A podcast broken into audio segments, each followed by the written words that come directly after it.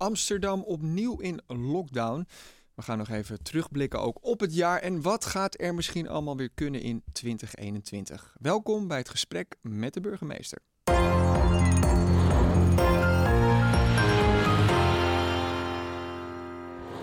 Van harte welkom, mevrouw Halsema. Dank. We beginnen eventjes, voordat we aan corona toekomen, met uh, de Westermoskee eerder deze week. Ja. Een steen uh, gepoogd door het raam te gooien.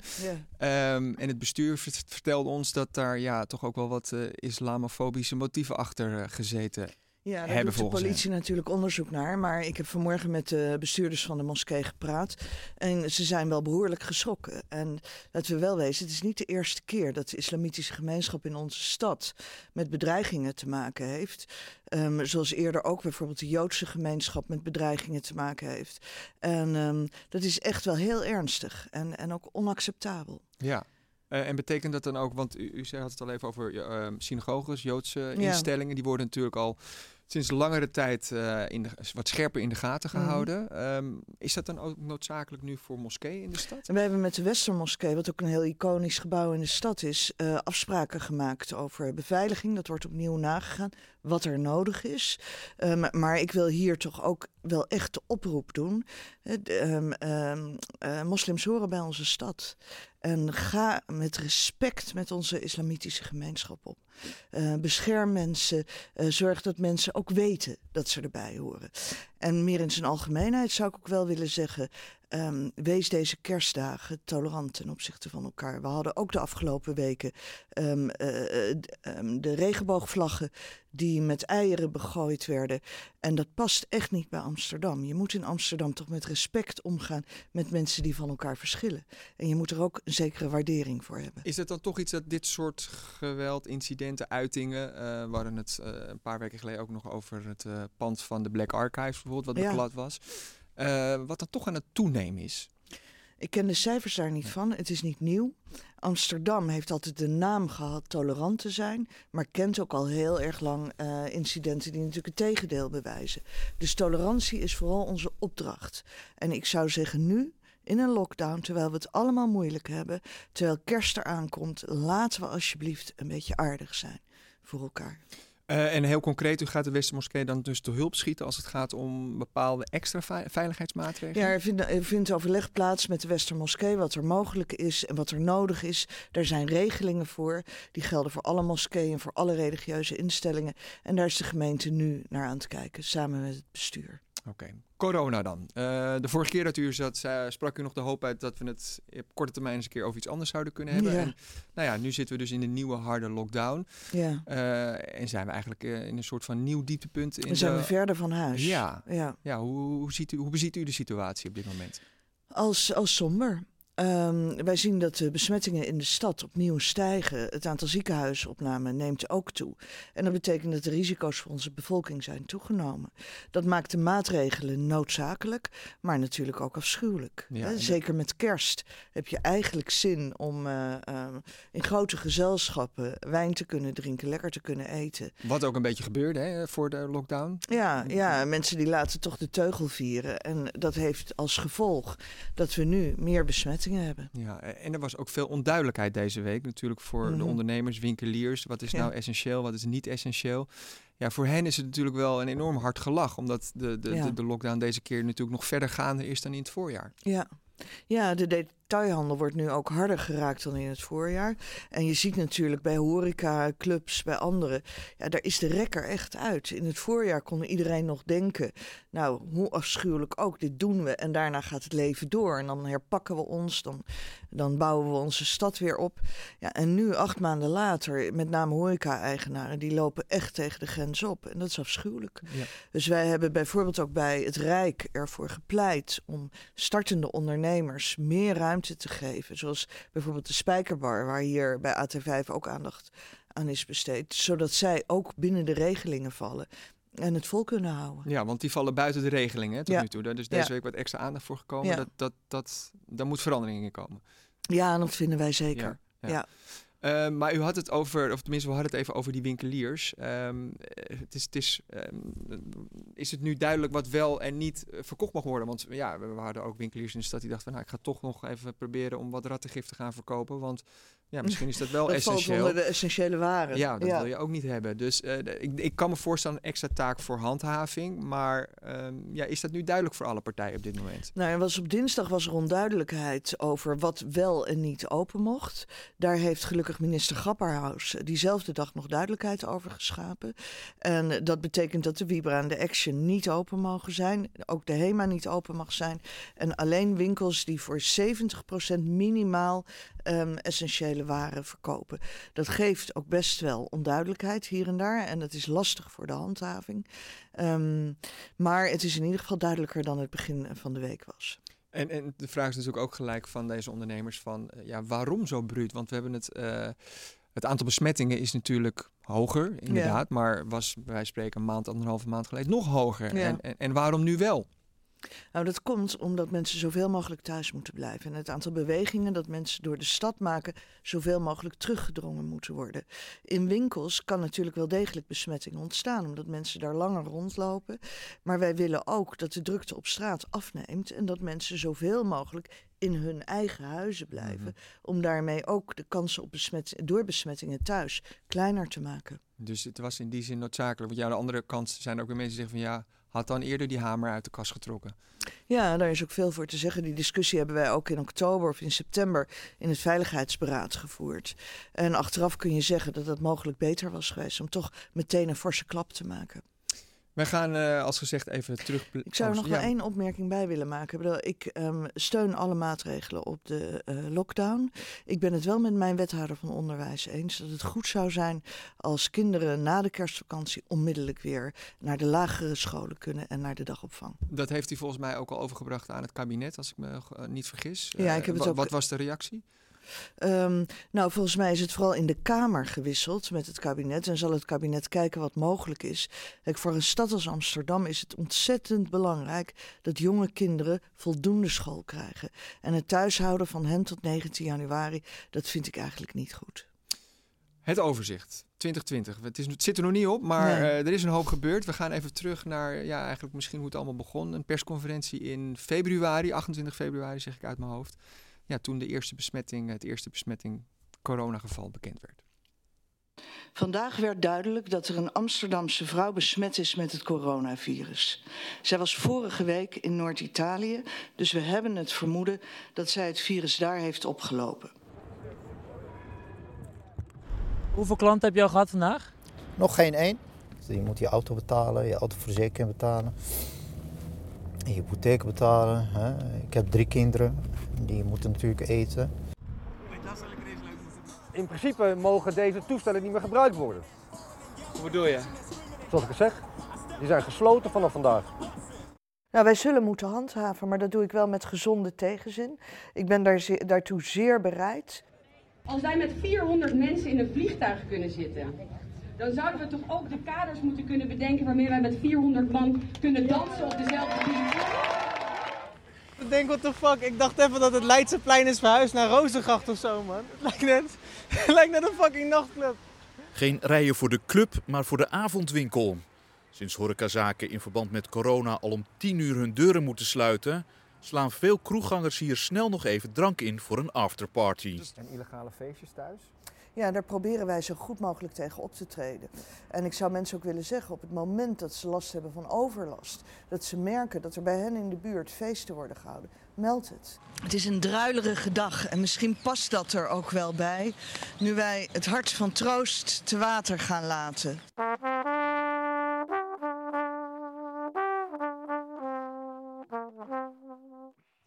Ja, dat was, uh, we eindigden inderdaad met jullie voor, voor de intussen. Ja, we, we staan volgens de laatste telling toch op 461 mensen in Amsterdam die overleden zijn aan, ja. aan de coronavirus. Um, hoe kijkt u terug op het afgelopen jaar? Ja, het is een, een, een historisch jaar. Zonder, um, laten we zeggen, het jubelgeluid dat daar vaak bij hoort. Het is een historisch jaar en het is ook een verdrietig jaar. Um, er zijn veel mensen ziek geworden, er zijn mensen dood gegaan. Mensen zijn zo in hun vrijheden beperkt geraakt. Mensen hebben daardoor achterstanden opgelopen. Er zijn natuurlijk veel mensen werkloos geworden. Ondernemers hebben het moeilijk. Dus het is voor Amsterdam ook een, een, een donker jaar geweest. Ja, en eigenlijk uh, alleen maar narigheid eigenlijk. Dus eigenlijk, of, of, zijn er ook nog wat lichtpuntjes het afgelopen jaar? Uh? Ja, er zijn ook wel lichtpuntjes. Ik vind bijvoorbeeld dat Amsterdammers, als je bedenkt hoe dichtbevolkt de stad is, hoe klein behuisd veel mensen zijn, dat Amsterdammers over het algemeen zich enorm ingespannen hebben om het virus te bestrijden. En wat ik ook echt een lichtpunt vind, dat is de enorme hoeveelheid vrijwilligers die de stad herbergt. Uh, de initiatieven die mensen hebben genomen om elkaar te helpen. En dat, en dat, dat varieerde van serenades die onder balkons werden gebracht, uh, bloemen die aan zieken werden gebracht, boodschappen die voor mensen werden gedaan. En echt op een hele grote schaal. We hebben nog steeds bij de voedselbanken soms een tekort aan voedsel, maar niet aan vrijwilligers. Er zaten natuurlijk ook twee fragmentjes in die gingen over de regels en hoe die al dan niet uh, werden nageleefd. Ja. Uh, in maart zei je nog zoiets van, nou ja, uh, het moet, maar liever niet. nee, nee, nee, nee, nee, dat zei ik niet. Ik parafraseer enigszins. Ja, maar het is wel, maar, want, want het citaat wordt vaak aangehaald. Ik heb gezegd, we dus moeten handhaven en ik doe het met gezonde tegenzin. Ja, ja. Nou ja, goed. Maar en, en later op in het jaar, in oktober, zegt u... nou ja, als, er, als jullie als Amsterdammers weten hebben van illegale feestjes... laat het ons weten, help ons een handje. Bent u in die zin gewoon opgeschoven? Daar ben ik gewoon benieuwd naar als het gaat om maart en de situatie later in het jaar in oktober. Van, het is nee, gewoon en het is wel goed om daar iets over te zeggen. Want ik weet dat AT5 het uitlegde als feestjes en helpen klikken. Maar wat ik daar letterlijk zeg, is als je weet hebt van illegale feesten... dus dat zijn grote georganiseerde feesten... meld dan bij overlast. Dat is natuurlijk van groot belang. Ik bedoel, we zitten opnieuw in een lockdown. Ja. Illegale feesten hebben een bijdrage daaraan. Heb ik er plezier in om mensen zo in eigenlijk redelijk natuurlijk gedrag te moeten beperken? Feesten, uh, met elkaar drinken, um, elkaar ontmoeten? Nee, natuurlijk niet. Het is zeer onnatuurlijk dat je mensen in hun menselijk gedrag, in hun verlangen elkaar te zien en, en te ontmoeten, moet beperken. Maar het is wel noodzakelijk. Ja, en toch blijft het gebeuren dat mensen zich niet aan die regels hebben gehouden. Dus ja, dan, ja, u vindt het heel ongemakkelijk, begrijp ik. Maar dat komt uiteindelijk in die zin bij u terecht dat u over die handhaving gaat en dat daar vragen over gesteld Ik vind worden. dat niet heel ongemakkelijk, ik vind het noodzakelijk. Ja. Wat ik opwerp is dat er vanuit een rechtsstatelijk perspectief en vanuit het perspectief van de historie van deze stad, is het natuurlijk nogal wat de vrijheidsbeperking die aan mensen Precies. is opgelegd. Als, als burgemeester leg, draag ik daar volle verantwoordelijkheid voor en doe ik dat elke dag. En uh, ook vandaag nog heb ik opnieuw um, um, uh, ingestemd met beperkingen die moeten worden opgelegd omwille van de volksgezondheid. En tegelijkertijd vind ik het ook heel belangrijk dat je als bestuurder blijft herinneren aan de rechtsstaat en aan het ongewone karakter van deze beperkingen, want we moeten er ook niet voor een hele lange termijn aan wennen. Uiteindelijk moeten we gewoon ons normale leven hervatten en moet de overheid beperkt zijn in zijn uitoefening van uh, macht. Maar dat is wel precies het dilemma wat uw bestuurlijke jaar natuurlijk uh, gekenschetst heeft Zeer, het afgelopen ja. jaar. Um, nou, dat lijkt me inderdaad ook iets waar je aan het einde van het jaar misschien nog wel eens op reflecteert. Maar ja, en, maar eigenlijk doe ik dat doorlopend. Want ik vind dat ik me als bestuurder steeds bewust moet zijn van het gebruik van extreme overheidsbevoegdheden. Want dat doe je namelijk. Op het moment dat je mensen. Um, dat je de horeca verbiedt om open te zijn. Dat je mensen verbiedt om met meer dan twee mensen in een groep te staan. Dat zijn echt uh, vergaande uh, overheidsbevoegdheden die noodzakelijk worden gebruikt voor de volksgezondheid. En waarvan het ook van belang is dat bestuurders blijven zeggen: um, uh, dit zijn tijdelijke maatregelen. Verlichting dan, opkomst hopelijk in het Ja. nieuwe jaar 2021. Ehm, de gemeente wil eigenlijk de eerste maanden van het nieuwe jaar hopelijk gaan gebruiken om, als het gaat om wat kleinere evenementen, Ja, eh, een beetje te gaan experimenteren hoe dat, hoe dat zou moeten gaan. ja. Eh, hoe, hoe ziet u dat precies voor zich? Nou ja, dat is altijd met ehm, ehm, eh, behoud van de anderhalve meter. En dat zal binnen de geldende regels moeten kunnen. Maar wij staan in Amsterdam wel vooraan als er experimenten te ehm, eh, zijn. Bijvoorbeeld met sneltesten. Mhm. Hè, waardoor mensen wel weer naar festivals kunnen. Of waardoor we clubs wel weer een beetje kunnen vullen. Want ik denk dat het voor de, de jongeren in Amsterdam, bijna een derde van onze bevolking, maar ook voor de clubs, voor de allure van de stad heel belangrijk is dat we dat een beetje in ere kunnen gaan herstellen. Want u zegt alles op anderhalve meter, maar als je dan zegt van ja, met sneltesten, dan denk Ja, dan, dan is dat misschien niet meer nodig. Zeggen, dat, Dan denk je natuurlijk van misschien kan er dan wel meer. Want dat is ja, kijk, dat is natuurlijk vooral waar de clubs op uh, hopen.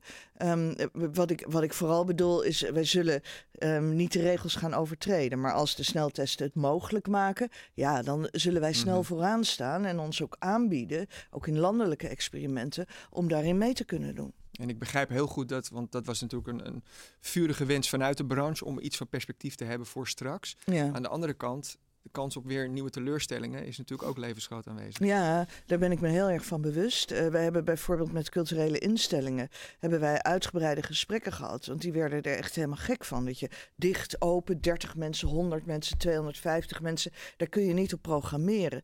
En, uh, en eigenlijk merk ik van veel culturele instellingen dat ze dat nog ingewikkelder vinden dan dicht zijn.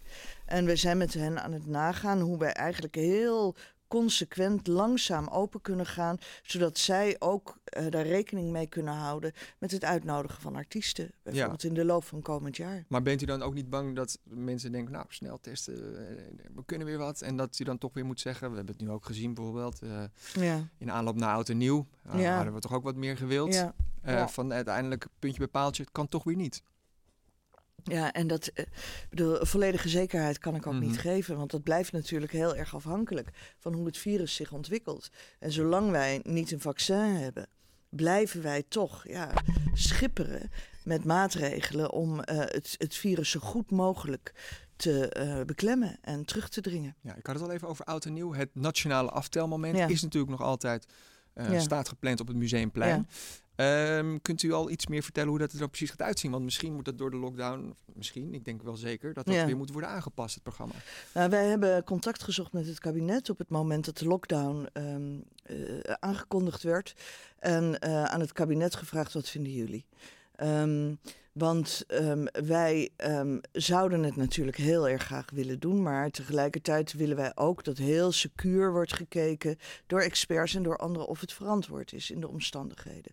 En um, daar zijn we op dit moment nog in over, over, in overleg. Dus ik hoop zo snel mogelijk daar duidelijkheid over te geven. Het gaat door, maar hoe precies, dat is nog even Nou, dat, eh, eerlijkheidshalve weet ik dat nog niet. Okay. En hoop ik de komende dagen en misschien wel vandaag daar meer duidelijkheid over te kunnen geven gaan we in de gaten houden. Uh, maar eerst even kerst natuurlijk. U zei het al wat toleranter, hè? Of, of zijn er nog meer gedachten die u ons en de Amsterdammers zou willen meegeven ja, voor kijk, de kerstboom? Ik, ik, begrijp, ja, twee gedachten. De eerste gaf ik al. Hè, um, uh, uh, respecteer elkaar, geef elkaar wat ruimte, geef elkaar ruimte om anders te zijn. En respecteer onze religieuze gemeenschappen, de moslims, onze Joodse gemeenschap. Maar respecteer ook bijvoorbeeld onze regenbooggemeenschap.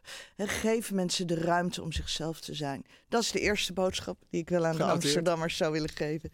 En de tweede is, um, wees trots op onze helden.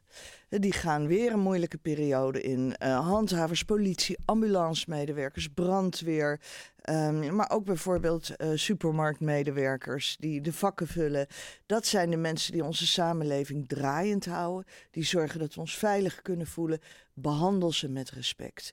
En zorg met name met oud en nieuw dat ze niet de hele avond hun handen vol hebben aan het beteugelen van relletjes. Maar dat ze gewoon echt kunnen doen wat nodig is. Dank u wel voor uw komst naar de studio. En uh, ja, goede kerst natuurlijk ook. En, en u ook. Dank u wel. En we zien elkaar ongetwijfeld weer in het nieuwe jaar. Ik denk het ook. Ja, uh, en hetzelfde geldt voor u hoop ik. Uh, fijne feestdagen. Wij zijn er inderdaad in januari weer graag. Tot dan.